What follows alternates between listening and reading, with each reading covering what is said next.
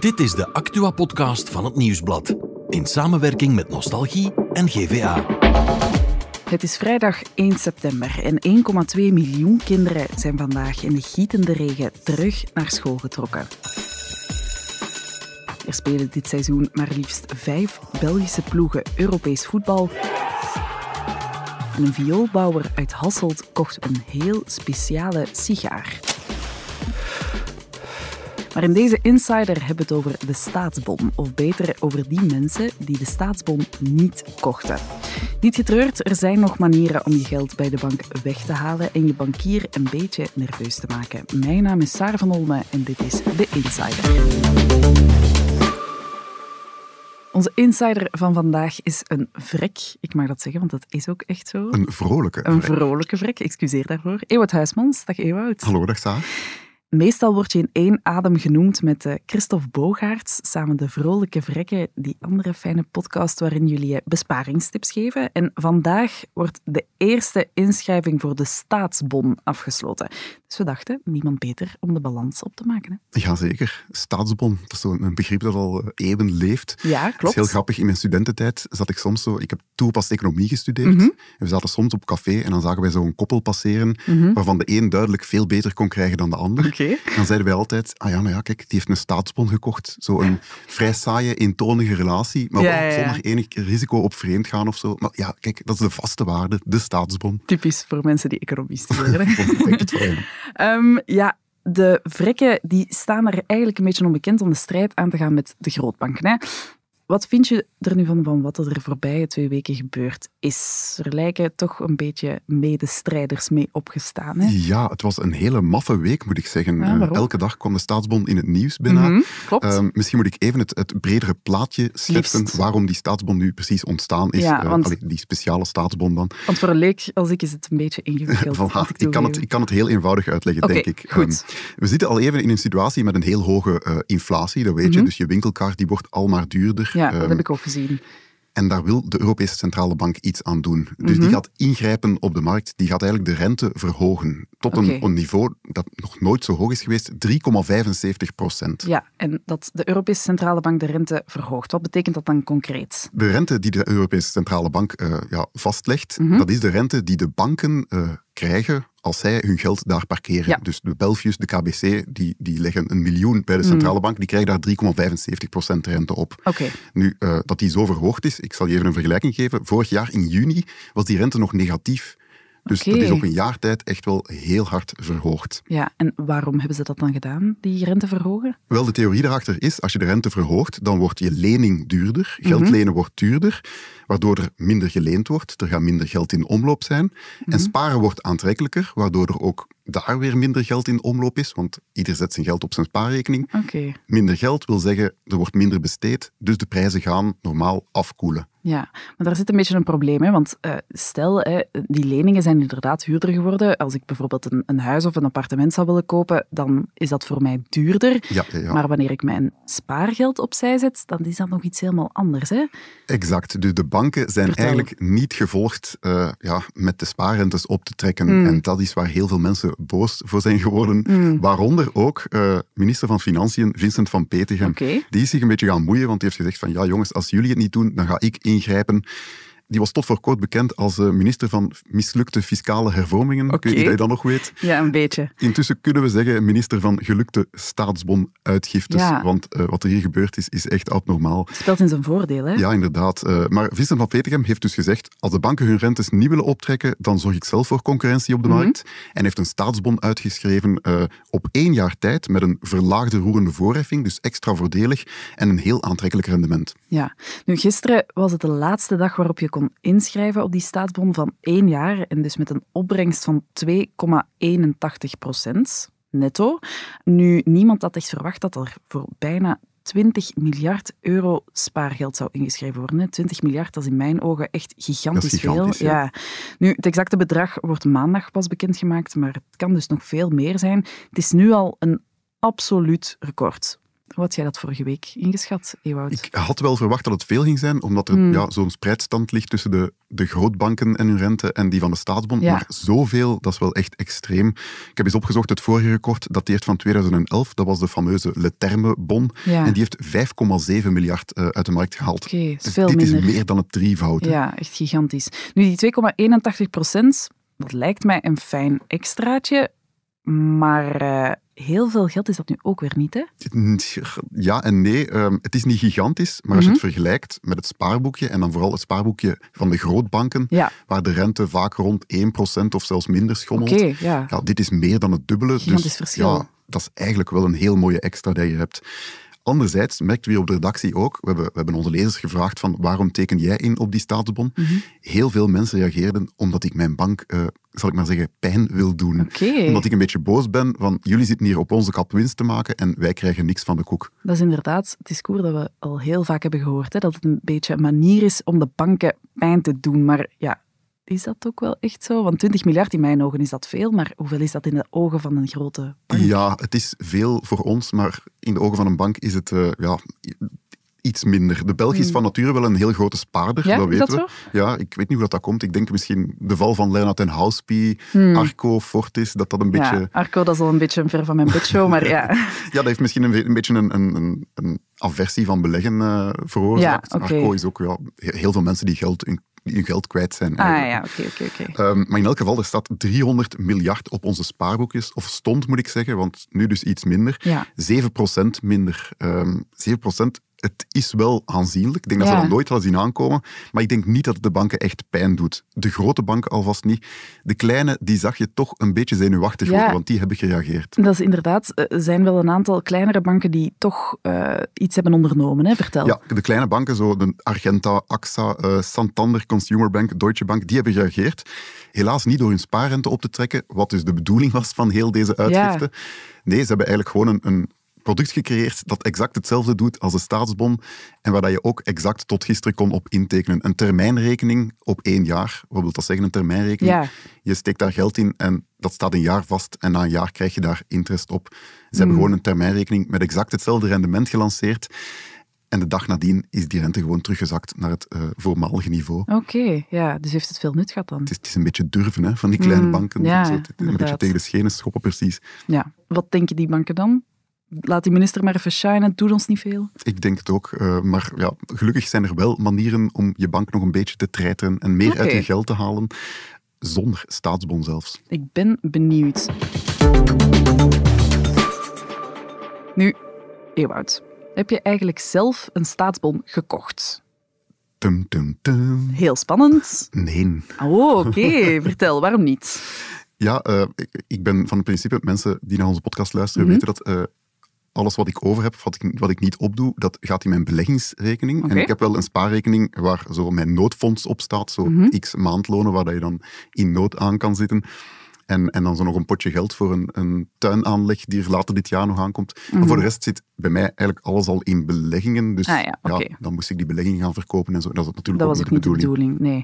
Nu, stel dat je eh, als luisteraar ook geen staatsbon hebt gekocht, maar wel je geld wil doen groeien. Hoe doe je dat dan best? Wel, het belangrijkste is dat je voor jezelf eerst eens eh, uitmaakt, dat je een plannetje maakt van ehm, hoeveel geld heb ik wanneer nodig? Ja. Eh, hoe lang kan ik mijn geld missen? En dat Mhm. mag in verschillende potjes. Hè. Je mag echt mentaal eh, verschillende potjes aanmaken en daar wat geld in steken en Mhm. zoveel op zoveel jaar en zoveel op zoveel jaar. Ja, en ja, als je die potjes dan eens gaat bekijken, hoe, hoe pak je dat dan best aan? Wel, het eerste potje, eh, ik zou zeggen, gooi daar het geld in dat je binnen het jaar nodig hebt. Mhm. Dus ik zeg het, wij gaan onze tuin eh, heraanleggen. Dat heb ik Ja. over enkele maanden nodig. Dingen Ja. die je op korte termijn gaat dat doen. ik op korte termijn nodig heb. En zet dat geld gewoon op een spaarrekening met een hoge basisrente. Belangrijk, een basisrente krijg je vanaf dag één. Mhm, Dus je krijgt elke dag dat dat geld daarop staat, krijg je daar rente op. mhm. En ook heel belangrijk, blijf daarvoor zeker niet bij je grootbank.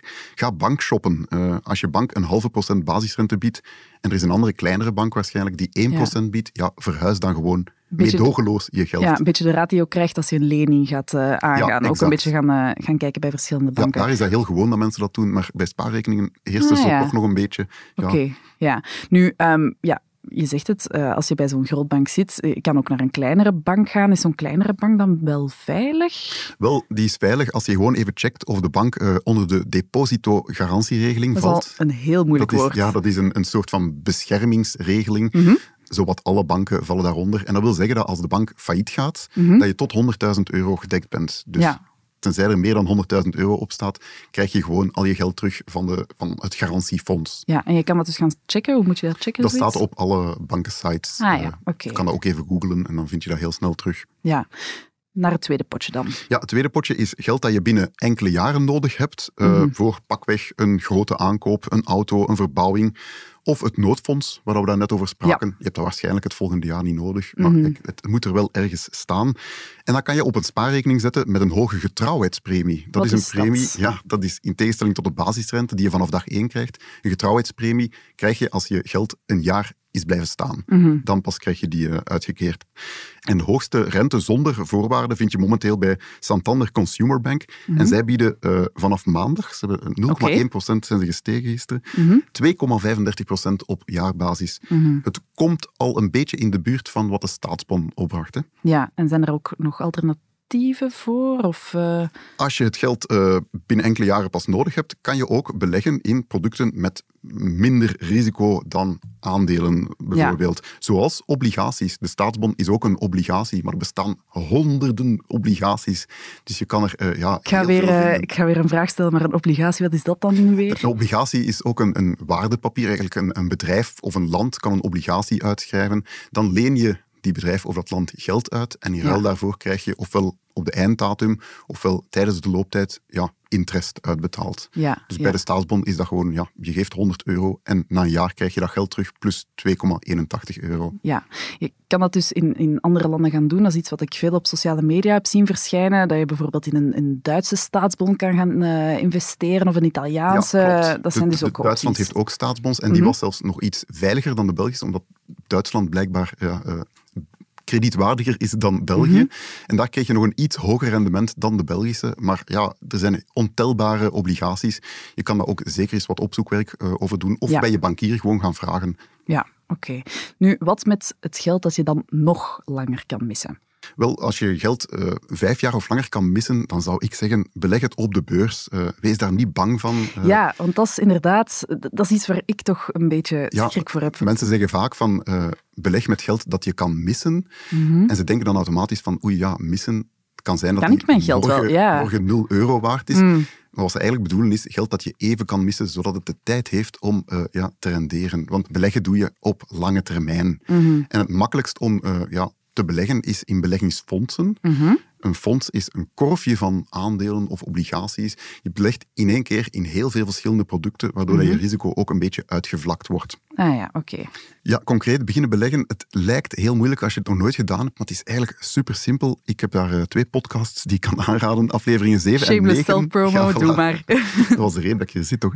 Afleveringen 7 en 9 van Vrolijke Vrekken, daarin leggen we dat heel, uh, heel goed uit. Maar ook hier... Uh, blijf niet per se bij je grootbank, want die gaan nog allerhande extra kosten en zo aanrekenen. Ja. Ga gerust eens bankshoppen op zoek naar goedkopere banken. Ga ook eens op Google kijken. Daar staan ook stap voor stap handleidingen. En er is zelfs een heel goed boek getiteld Vrolijke Vrekken in omloop. Staat ook alles in beschreven. Wederom, shameless self-promo. Het mag. Dan heb ik nog de hamvraag. Die spaarrentes. Gaan die stijgen? Dat is de grote vraag. Dat weet niemand eigenlijk. Mm Ik ga Ook jij niet? Ja, ik ga ervan uit, ik gok, maar ja, het hmm. is allemaal uh, speculatie, um, dat de rentes nog wel een beetje kunnen stijgen, maar dan gaat het zoals altijd heel, heel traag zijn, de spaarrentes. Mm. En die 2,81 procent, ja, die komt voorlopig toch niet echt in zicht, denk ik. Nee. Nu, um, ja, je zei het er net al, we hebben al eens zo'n staatsbon gehad. We hebben er nu weer een. Komt er binnenkort nog eentje aan? Ja, elk seizoen is er eigenlijk een staatsbon, maar het okay. was nu toevallig, alleen niet zo toevallig, een heel, heel voordelige. Dus uh, in december komt er opnieuw een aan en die kan ook nog altijd van de voordelige verlaagde roerende voorheffing genieten. Dus dat gaat mogelijk ook nog een, uh, een heel voordelige worden. Oké.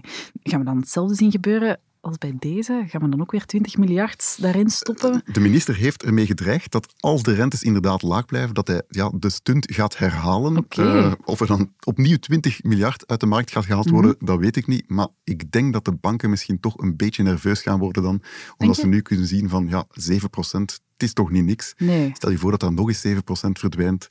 Dan wordt het wel heel veel. Hè? Ik ben benieuwd met wat voor creatieve oplossingen dat ze dan gaan komen. Ja, die staatsbond die heeft wel wat teweeggebracht. Heel veel mensen zijn beginnen nadenken over hun, over hun centen. Hè? Ja, dat is nog eigenlijk het, het beste van, van heel deze staatsbond, Mm. naast de, de opbrengst die het biedt Mm. natuurlijk. Mensen zijn, veel mensen zijn gewoon beginnen beleggen, misschien zonder dat ze het weten, maar je, hebt- je hebt een belegging gekocht, de staatsbond. Mm. Misschien gaan die nu ook eh, ja, meer nadenken over hun geld en, en na een jaar misschien zeggen, misschien moet ik eens iets anders gaan beleggen.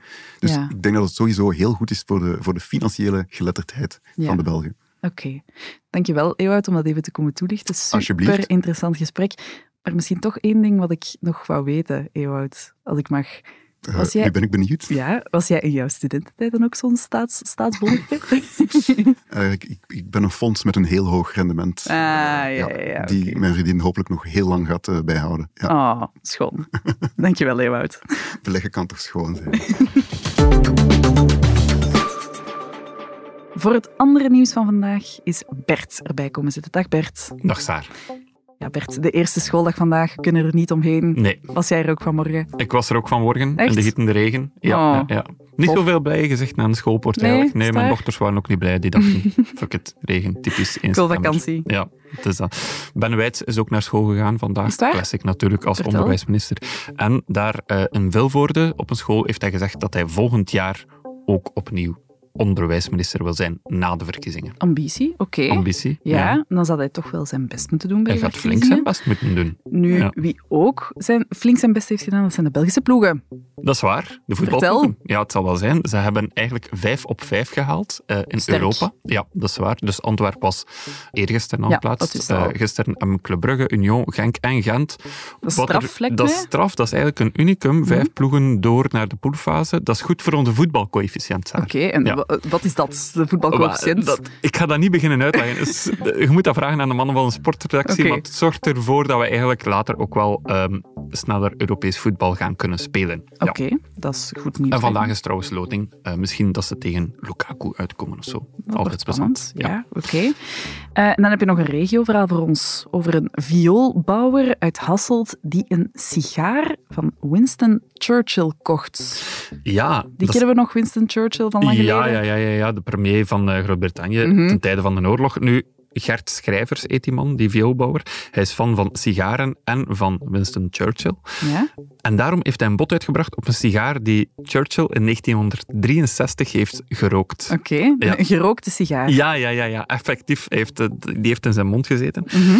Ehm, hij was de hoogstbiedende. Hij wil niet zeggen hoeveel ze uiteindelijk gekost Dat heeft. wou ik net vragen, Bert. Ja, nee, we weten het niet. Eh.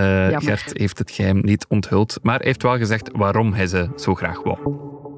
Dat hij ze effectief gerookt heeft, dat ze geleefd heeft. Er is een stukje geschiedenis achter. En ja, goed, dat spreekt tot de verbeelding. Ja, het spreekt tot de verbeelding, maar of ik jaloers ben op een gerookte sigaar, dat... Sigaar blijft een beetje stinken natuurlijk. Ja, inderdaad. Hm, Ik weet niet of ik er blij mee zou zijn. Maar toch, hij wel. Dankjewel Bert om het even te komen toelichten. Graag gedaan, Saar. Goed weekend iedereen en dan zijn we er maandag weer met een nieuwe Insider.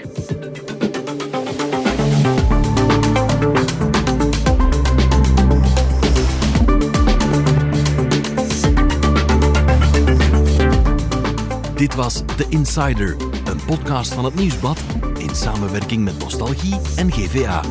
De muziek is van Pieter Santens. De montage gebeurde door House of Media. Wil je reageren? Mail naar podcast.nieuwsblad.be.